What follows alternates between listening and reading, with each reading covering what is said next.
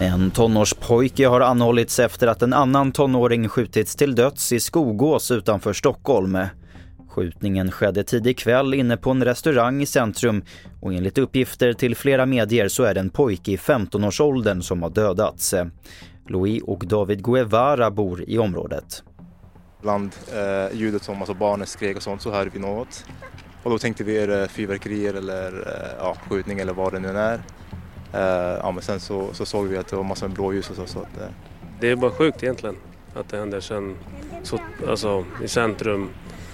Så det finns ju barn, familjer och allt. Så till att en man i 25-årsåldern är gripen misstänkt för allmänfarlig ödeläggelse efter att två portar sprängdes under natten mot Idag norr om Stockholm. Explosionerna inträffade vid flerfamiljshus med bara knappt två timmars mellanrum.